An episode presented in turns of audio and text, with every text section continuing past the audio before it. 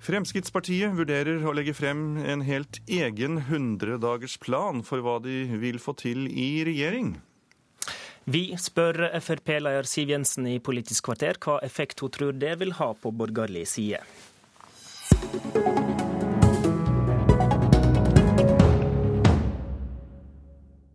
Siv Jensen er med oss i Politisk kvarter fra Kristiansand, der partiet oppsummerer det politiske året og har sin valgcamp.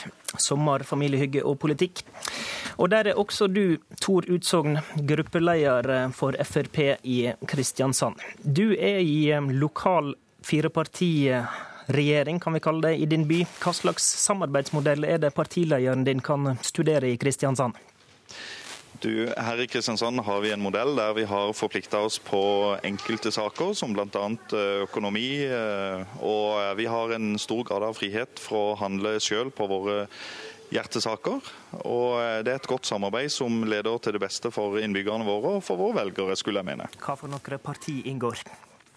Det er Høyre, det er Fremskrittspartiet, ehm, Pensjonistpartiet og Kristelig Folkeparti.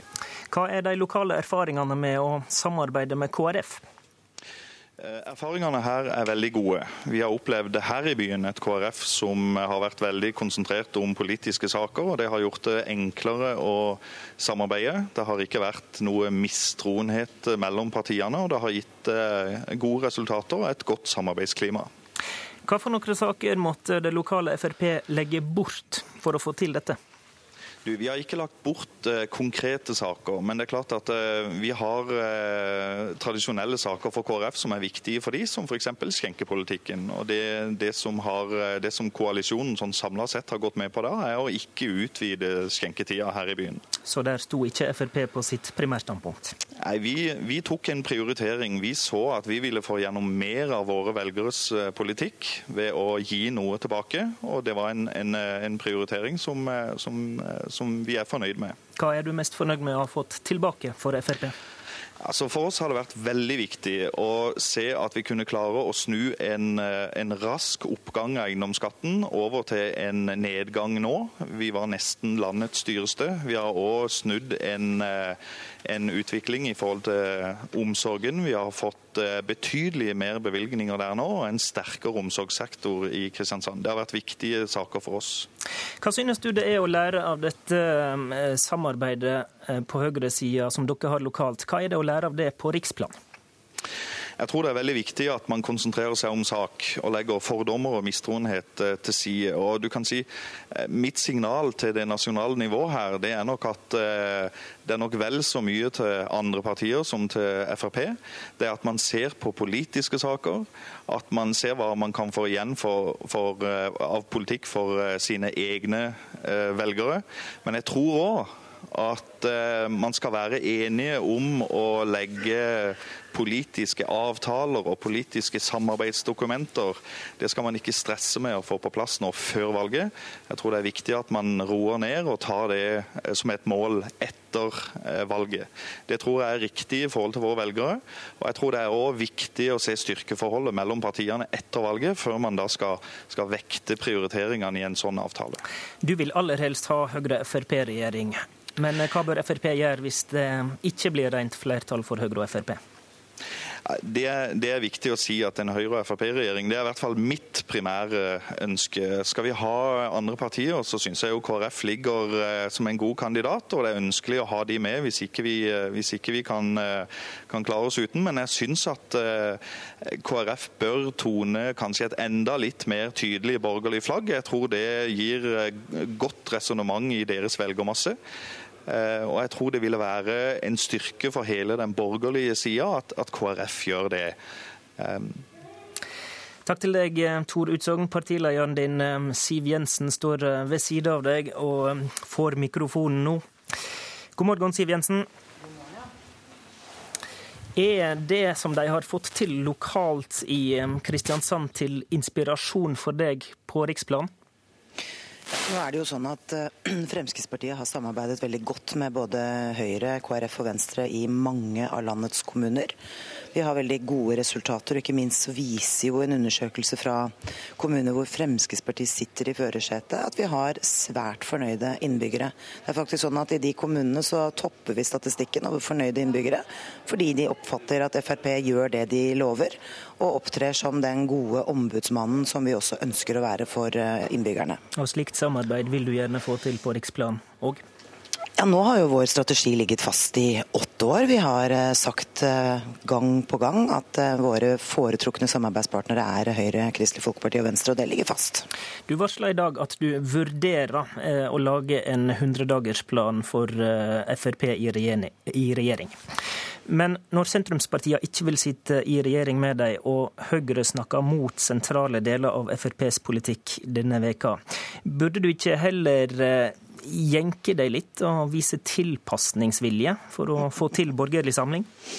Jeg tror velgerne har fått med seg at Fremskrittspartiet er tilpasningsdyktig. For vi har jo sagt at eh, et samarbeid mellom flere partier det innebærer at man må gi for å få.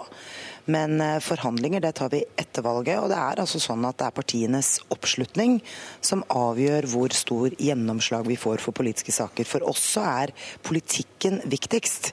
Vi skal ikke i regjering for enhver pris. Vi skal i regjering for å få gjennomslag for viktige politiske saker. Og Da er det viktig for meg og Fremskrittspartiet å vise frem hva vi mener er eh, mulig å få til i regjering. Um, så må velgerne gi partiene muskler, sånn at vi kan få forhandlet frem oppslutning. Men er du også interessert i å signalisere at du kan være villig til å legge bort saker som er viktige for partiet, som f.eks. de gjorde i Kristiansand med å legge bort eh, sin primære skjenkepolitikk? Jeg har sagt flere ganger at samarbeid det handler om å inngå kompromisser. Men så er det slik at eh, forhandlinger det er tøffe saker. Det må vi gjøre når vi kjenner valgresultatet, når vi ser styrkeforholdet mellom partiene og den oppslutningen hver enkelt av eh, samarbeidspartiene har. Eh, og så må jo ingen bli veldig overrasket over at noen saker vil være viktigere for oss enn andre. Vi kommer til å stå hardt på å få gjennomført en bedre eldreomsorg i Norge. Nå har det stått høyt på dagsorden hver eneste gang.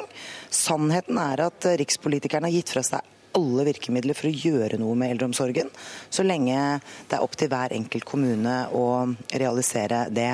Eh, vi kommer til å være opptatt av å få progresjon i samferdselsprosjekter rundt omkring i landet. Det tar for lang tid å bygge veier i Norge, og ikke bare tar det for lang tid, det er blitt veldig dyrt for bilistene.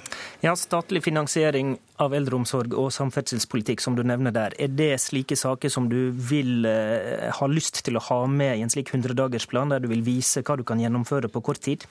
Ja, nå tror ikke jeg at vi klarer å bygge ut firefelts motorveier over hele landet på 100 dager. Det engang Fremskrittspartiet klarer det? Selv ikke vi klarer det. Det tar nok litt lengre tid enn det. Men en såkalt 100-dagersplan vil jo i så fall handle om å vise frem en del endringer man kan gjøre på kort sikt, som kommer til å merkes for velgerne. Men det skal vårt valgkamputvalg ta stilling til, og det har vi ikke avklart ennå. Hva tror du effekten vil være på høyresida hvis du legger fram en slik 100-dagersplan? Og Hele poenget med å være tydelig på politiske løsninger er å skape begeistring hos velgerne. Og det er altså sånn at det er velgerne som avgjør kraften i en ny ikke-sosialistisk regjering. Jeg syns vi ser det veldig tydelig om dagen. Et Høyre som har blitt mer og mer lik Arbeiderpartiet. Eh, og tror jeg veldig mange velgere vet at det er Fremskrittspartiet som kommer til å være den dynamiske kraften i et ikke-sosialistisk samarbeid. Og da er det viktig for meg å vise frem at det er mulig å gjøre betydelige endringer både på kort og på lang sikt. Men er en slik plan verdt noe hvis du fokuserer på saker som Frp står alene om? Jeg tror vi kommer til å kunne legge frem, i så fall, hvis vi gjør det, en, eh, sak, en plan som både handler om rene Frp-saker og saker hvor vi over tid har blitt mer og mer enige med de andre borgerlige partiene. Og jeg har lyst til å understreke det. Gjennom flere år i Stortinget så har de fire ikke-sosialistiske partiene vist at vi samarbeider godt, og at vi klarer å legge frem mye felles politikk. Men så er det noe som skiller oss fra hverandre. Og det er jo i grunnen her velgerne skal si sitt, gjennom å gi partiene oppslutning. KrF-leder Knut Arild Hareide har understreka mange ganger at han ikke eh, primært ønsker å sitte i regjering med deg. Eh, og han sa denne veka at ei blå-blå regjering er ikke han mer begeistra for enn ei rød-grønn. Har du tillit til at KrF og Venstre sin lovnad om å sette inn en ny regjering er en varig lovnad, eller er du redd for at de kan snu seg mot Ap i en gitt situasjon? Jeg har et veldig godt forhold til Knut Arild Hareide og Trine Skei Grande, og jeg velger å tro på det de sier. Det ville vært veldig rart hvis jeg ikke trodde på dem, for å si det sånn. Burde du gjøre noe for å vise at du går i, i deres retning, for å forhindre at de eventuelt bytter side? Det gjør vi jo hver eneste dag, og jeg merket meg jo da Venstre og Trine Skei Grande hadde sin oppsummerende pressekonferanse, så var det altså Fremskrittspartiet hun fremhevet som det partiet som hadde støttet flest av Venstres forslag. Så forskjellen er nok ikke så stor når det kommer til stykket. Og når det er Fremskrittspartiet og ikke Høyre og KrF som har støttet flest av Venstres forslag, så viser jo det med all tydelighet at vi trekker i samme retning. Og så har det også vært en polemikk mellom deg og Erna Solberg denne veka er din oppleving at eh, Erna Solberg avlyser saker som helt avgjørende for ditt parti å få gjennomført? Hun har ikke brukt eh, det ordet på noen som helst måte. Nei, jeg spør, spør har... om din oppleving av det. Nei, jeg har bare vært helt tydelig på at Fremskrittspartiet kommer til å stå hardt på sine politiske løsninger, og at alt skal forhandles om ved et eventuelt regjeringsskifte etter valget. Og Det tror jeg er en helt ryddig og ærlig opplevd sak. Ingen må bli veldig overrasket over at vi vil erstatte en firkantet handlingsregel med sunn fornuft, som handler om å skille tydeligere mellom investering og drift. Det betyr ikke at vi vil bruke mest mulig penger, det betyr at vi vil bruke pengene riktigst mulig. Takk til eh, Siv Jensen med oss eh, fra Kristiansand, der partiet har sin valgcamp. Her i eh, studio sitter Jan Arild Snoen, politisk kommentator og skribent i Minerva. Er det lurt av Frp å legge fram en 100-dagersplan for hva de vil gjennomføre?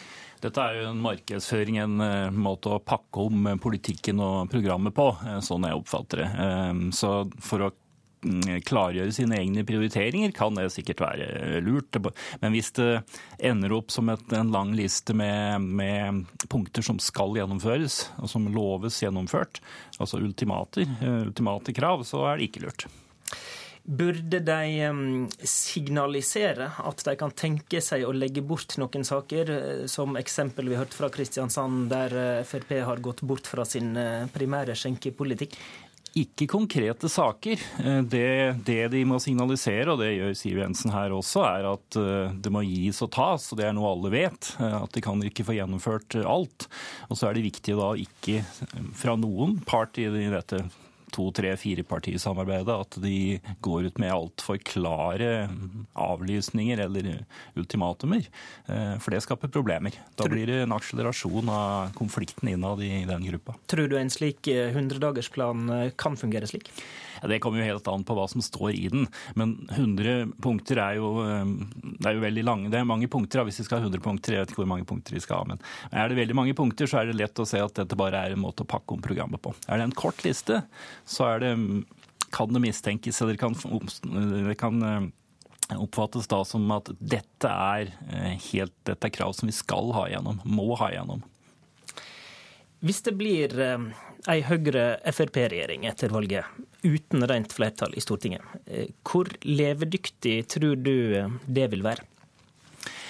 Ja, det kan, det kan, bli veldig vanskelig. Um, og det er, Du viste til Hareide som, som, ikke vil garantere det nå i evig liv. Um, så det er jo helt avhengig av hvor mange kameler uh, særlig Frp er villig til å svelge. Um, for det er bare du kan ikke vente, i hvert fall i begynnelsen, at Arbeiderpartiet vil hjelpe en sånn regjering, selv der Arbeiderpartiet er enig. Ehm, så det er begrenset hva en sånn regjering kan få gjennomslag for, fordi den ikke har flertall. Tror du sentrumspartiene i en gitt situasjon vil kunne snu seg andre veien? Det må være mot slutten av perioden i så fall. Og hvis eh, det butter både for dem selv og kanskje for denne regjeringa på meningsmålingene. Ehm, men dette er helt avhengig av styrkeforhold mellom partiene og eh, hva som skjer. Altså hva, hva, slags politikk de faktisk prøver å få igjennom. Hvor stort problem er det for Frp, det vi har eh, hørt denne veka når Høyre snakker mot sentrale deler av partiet sin politikk, og, og KrF er så lunkne som vi hører? Ja, Det skaper jo en, et behov hos Frp for å markere at de ikke vil bli eh, satt på sidelinjen. og det er det de markerer gjennom ja, signalet de gir i dag? Ja, det ønsker de å markere nå. Så da kommer de fram med sine krav igjen. Men det er jo noen realiteter i dette, der Frp står helt alene. F.eks. dette med å statliggjøre eldreomsorgen. Så har de ikke sjanse til å få gjennomslag for det. Men der, det er, der de har allierte, og det er da også betydelig støtte i folket, og mange syns dette er viktig, f.eks. på innvandringspolitikken, så kan de regne med å håpe å få gjennom i hvert fall noe. Det var eh, Politisk kvarter i dag. I studio var programleder eh, Håvard Grønli. Husk at eh, dersom du vil høre Politisk kvarter en gang til, eller andre av NRKs radioprogram, så kan du gå inn på den nye nettspilleren vår. Adressa på internett er radio.nrk.no.